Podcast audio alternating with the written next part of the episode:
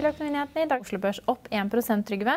Men bare før vi tar Oslo-markedet og hva som skjer i Norge. USA-børsene de er, holder jo ikke samme vintertid som oss og har åpnet nå eh, En time? En time. Er jo, vi er jo en time frem eller tilbake i tid. Hvordan er den regelen? Og ja. USA-børsen er i hvert fall åpne. jeg håper du, håper du klokken en time tilbake.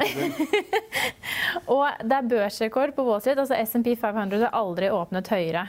Hva, hva, er det som preger markedet akkurat nå? Ja, det vet jeg ikke. La oss ta Norge, Norge først. Altså, det er, som du sier, så er markedet opp 1% Det var ned en kvart prosent på fredag. Og jeg lett etter liksom hva som var driveren i det norske markedet. Det er ikke lett å finne.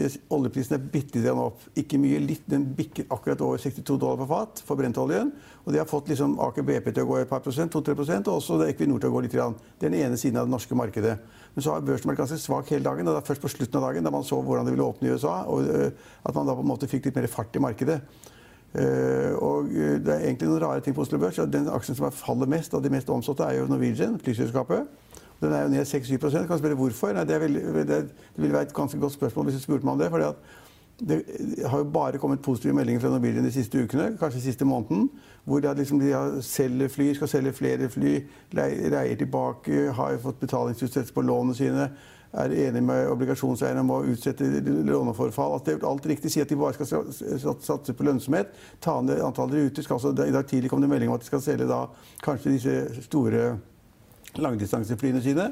Og at de har for mange av de flyene og ikke tjent penger på dem. og skal selge dem til at Hver dag har vi fått en dose av uh, nye ting. Ny konsernsjef, uh, bedre resultater. Alt er riktig. Og likevel så faller da Norwegian da 7 Da har jeg ikke studiet, og det har jeg ikke peiling på hvorfor. Så det syns jeg er ganske morsomt. at Man må også være forsiktig hvis man er sånn trader i markedet basert på news og det som står i avisene på nyhetsmeldingene. Så kan man bli kraftig overrasket. Og i dag tror jeg de fleste er overrasket over at Norwegian er såpass mye ned. Så kan det godt tenkes at det er en reell god begrunnelse for det, men den kan ikke jeg. Nei, og vi har jo andre aksjer som også beveger seg mye i dag. Vi kan bare ta med Vi har jo snakket mye om PGS den siste tiden. Jan Petter Sissener mener jo at selskapet eh, skal få det tungt med å refinansiere uten tilførsel av ny egenkapital. Nå får eh, han støtte av Nordnes Securities som også mener at uh, selskapet må refinansiere. Og, og, PGS har jo 760 millioner i gjeld som skal refinansieres i, refinansieres i 2020 og 2021. Hva kan vi si om PGS? Nei, altså, PGS har gjort det litt bedre enn man fryktet i periode, men de har da masse gjeld, masse båter. Ikke alle båtene er sysselsatt. Uh, og det er helt riktig som du sier, veldig mange sier at og færre gikk jo inn der. og, og og, og, det trodde man da var liksom løsningen. Men altså poenget er at de kommer til å trenge mer penger, mer egenkapital. Fordi de skal da ha forfall på 6-7 milliarder kroner i gjeld. Og det har de ikke penger til å drive med. slik at eh, Mange er negative til PGS akkurat nå. Men det er ganske rart akkurat i dag, når vi spør liksom hva som rører markedet. så Hvis du ser på de vinnerne i dag, så er det seks av de ti de som har gått mest opp, da, så er seks-syv av dem det er offshoreselskaper. Altså olje- og serviceselskaper. Og da kan vi begynne med Doff, som er opp 20 Ja, ja, det, men det er selskap som har vært kjørt helt i bånn, som har vært helt ute, og som har hatt reforhandling med gjelden sin flere ganger. I dag har de da meldt at de har fått noen kontrakter i Sør-Amerika eller Sør-Afrika. Sør-Afrika var det det var. Og forrige uke fikk de betalingsutsettelse, ja, som gjorde at aksjen steg betydelig. Samtidig er Solstad, som er et supply-selskap, som også er helt i bakken. Eh, og ingen vet hva det er verdt. Ingen, aksjen prises til ja, falt nesten 100% så det, og, og, CM Offshore er også opp som vinner. Det er en rekke oljeserviceselskaper som går i dag, og jeg vet ikke helt hvorfor. Det kan ikke være det at oljeprisen har gått opp fra altså 61,5 dollar per fat til 62. Det kan ikke være. Men det er en sånn optimisme i offshoresektoren, i supply-sektoren, som ikke var der før. Og det kan være at en som sa forleden det at nå er det så dårlig vær langs, på Vestlandet i Nord-Norge at det er så mange rigger som skal flyttes hit og dit. og at da, øh, Operatørene tar da og bestiller da supply-skip og ankerhåndteringsskip som skal, man skal bruke i supply-flåten. For å være på den sikre side at man får, får flyttet de riggene skal man skal flytte i vintersesongen, som kan bli døff, sier man. Sånne rykter går. Men, og det er jo ikke helt unaturlig, for det er jo mer ruskevær, det er mer ruskevær når vi beveger oss ut mot ja, høst, tidlig vinter. Men jeg ville ikke kjøpt aksjer på det, på at noen sa det at det blir dårlig vær og at nå skal det flyttes flere rigger. Men, kan, men ville du kjøpt aksjer på at eh, lakseprisen skal opp til jul? Kanskje. Nå har jeg vært i laksemarkedet før, og jeg ser det at eh, begge de to store selskapene er opp 1-2% i dag. Du ser, du ser som, altså, Prisene har gått opp fra før. De gikk jo fra 50 kroner til 55 kroner i forrige uke. Jeg vet ikke hva det har gått opp i dag, men, eh, men, men det er en oppgang i, i, i lakse, lakseprisene. Og det gir altså da oppdrettsaksjene et løft. Uh, og vi vet jo det normalt historisk. Hvis du ser på kurvene, så vil du se det at, at lakseprisene tar seg opp, uh, opp under jul. Når da liksom alle skal ha laks. Og så går altså oppdrettsaksjene med. Det har vi sett tidligere, men det er ikke sikkert det blir sånn igjen. Nei. Er, nei, vi har fått en sånn kjempeoppgang at det er ikke sikkert man får det samme mønsteret. Og så er kan det godt tenkes at noen tar en profit når de nærmer seg nye rekorder, sånn som i Movi eller hva det måtte være. Ja, og De som vil lese mer om hva analytikerne mener om Movi, kan klikke seg inn på finansavisen.no akkurat nå. Men vi må nevne noen flere aksjer. EMGS har fått medhold i brasilianske domstoler relatert til kommunal skatt. Og I tillegg så har selskapet signert en kontrakt med en verdi på 8 millioner dollar, stiger 7% Kværner har lagt frem. Tall i dag. Gode tall både på topp og bunnlinje. Opp 4,5 Og så har vi BV LPG, som har steget 140% på Oslo Børs hittil i år. Og er der har de fått en oppjustering Ja, det- av kursmål fra Danske Bank fra 73 til 90 kroner. Ja, men det er veldig mange kur, altså kurs som oppjusteres i disse dagene. Det er litt snålt, for det går ikke så veldig mye bedre innen olje og offshore. så det er, Folk overdriver ganske kraftig, og så får de én en enkelt ordre. Og så har de da en flåte på 20 skip, og så ligger da 11 i opplag. så er, altså jeg, er, jeg kan ikke alle selskapene, vil ikke kunne alle selskapene.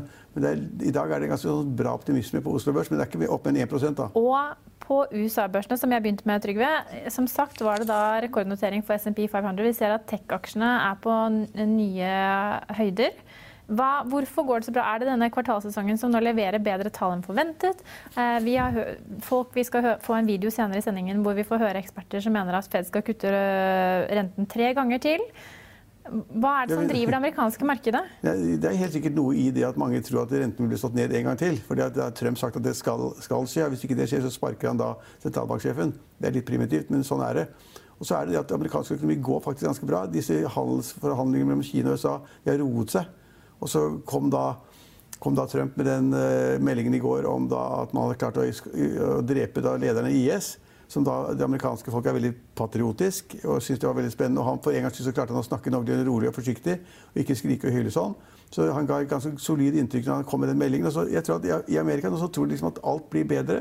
Og så tror mange underliggende at, at Trump kommer til å tape det valget suverent hvis han ikke får amerikansk økonomi til å gå bra.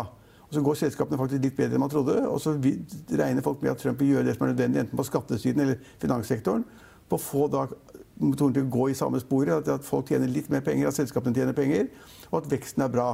Så det kan godt tenkes at det er sånn kjempeoptimistisk frem til man ser at han eventuelt taper valget eller vinner valget. Ja. Kan tenkes. Det så, kan være så enkelt som det. Det er masse som er uavklart. Altså, det er uavklart med handelsforhandlinger med EU. Det er uavklart med brexit. Det er uavklart Ja, Nå fikk vi akkurat en melding i bakgrunnen her om at EU gir eh, brexit-utsettelse til 31.1 for Storbritannia. Ja, de kan gå ut 1.1 også. også. Men altså, det, poenget, det, det, morsomme poenget er jo da at, at uh, dagens statsminister sa da det at han helt sikkert skulle ut av EU innen 31.10. Helt sikkert. Uansett med avtale eller uten avtale. Helt sikkert. Og Og det det? blir helt usikkert. Det blir helt usikkert. Han kommer ikke til å gå ut den 31. oktober. Så politikerne sier veldig mye som de ikke kan stå ved. og Markedene Det er skummelt. Men at, at eh, Storbritannia kommer til å gå ut av EU, det er jeg rimelig sikker på. Men det blir ikke den 31. oktober. Men Det det kan EU bli den 31. Det kan bli slutten av januar. Ja, og det, Men det at EU går det i møte og gir dem en ny utsettelse, betyr vel at de også håper om at man skal komme til en avtale?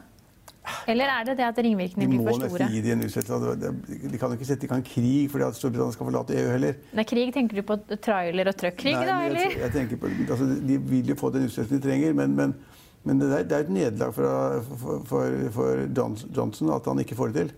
Ja, Helt eh, til slutt, vi glemte på tampen der å nevne Ja, valutabevegelser. Det må vi ikke Ja, ja, glemme. Du spurte, om, ja, du spurte om hva som driver markedet, egentlig. Og det er veldig vanskelig å si, for Hadde man visst det, så hadde man ikke sittet her. Da hadde man vært trader et annet sted. Men det som er litt interessant, det er det at den norske kronen holder seg kjempesvak, og den forblir svak. Så mot euroen så er faktisk eh, da valutaen nå 10,20, og mot dollaren 9,20. Det er veldig svak, bare et par øre fra tidenes svakeste norske krone. Og det har en viss betydning. Det har betydning for masse eksportbedriftene, bl.a. det vi snakket om fiskeoppdrett. De selger da i euro eller i dollar eller sånn, og gjør, og gjør opp status i kroner og tjener masse penger på det. Norsk reiselivsnæring selger i euro, selger i dollar i, i utenlandsk valuta og gjør opp i kroner. Alle disse, de, disse næringene tjener mer penger nå enn de ville gjort ellers. Så hvis norskekronen fortsetter å svekke seg, så blir det enda bedre for eksportindustrien og enda bedre for norsk reiselivsnæring. Og det er en såpass kraftig sak, for når vi snakker om 10-20 mot euroen, så er det veldig veldig svak krone. Og da er det, I normalt historie sier man da at er den så svak, da må den bli sterkere etterpå. Da går den fra liksom 10-20 til 9,80 eller 9,60 eller 9,70 eller sånn, vil man normalt svart, men sånn er det ikke lenger. Når man er redd for eller tror at, at kronen vil forbli svak, og det er, har stor betydning for store deler av norsk eksportindustri. Og spesielt Hurtigruten. Ja, det kan jeg. Heldigvis, En liten eh, pasning der, Trygve. heldigvis, nei, heldigvis er ikke Hurtigruten børsnotert. Det er privatselskap privat selskap eid av tre aksjonærer. er. Så den, den liker ikke å snakke om det likevel, men det kunne dere ikke da snakket om. Men det er klart det er en del av norsk reiselivsnæring som har kjempeutbytte av at man får da norske, norske kroner istedenfor utenlandsvaluta som man selger i. Og det betyr masse for masse selskaper på Oslo Børs. Det er mitt poeng. Ja.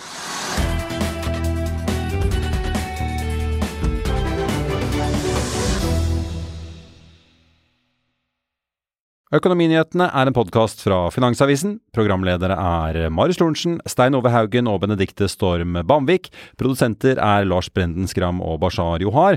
Og ansvarlig redaktør er Trygve Hegnar.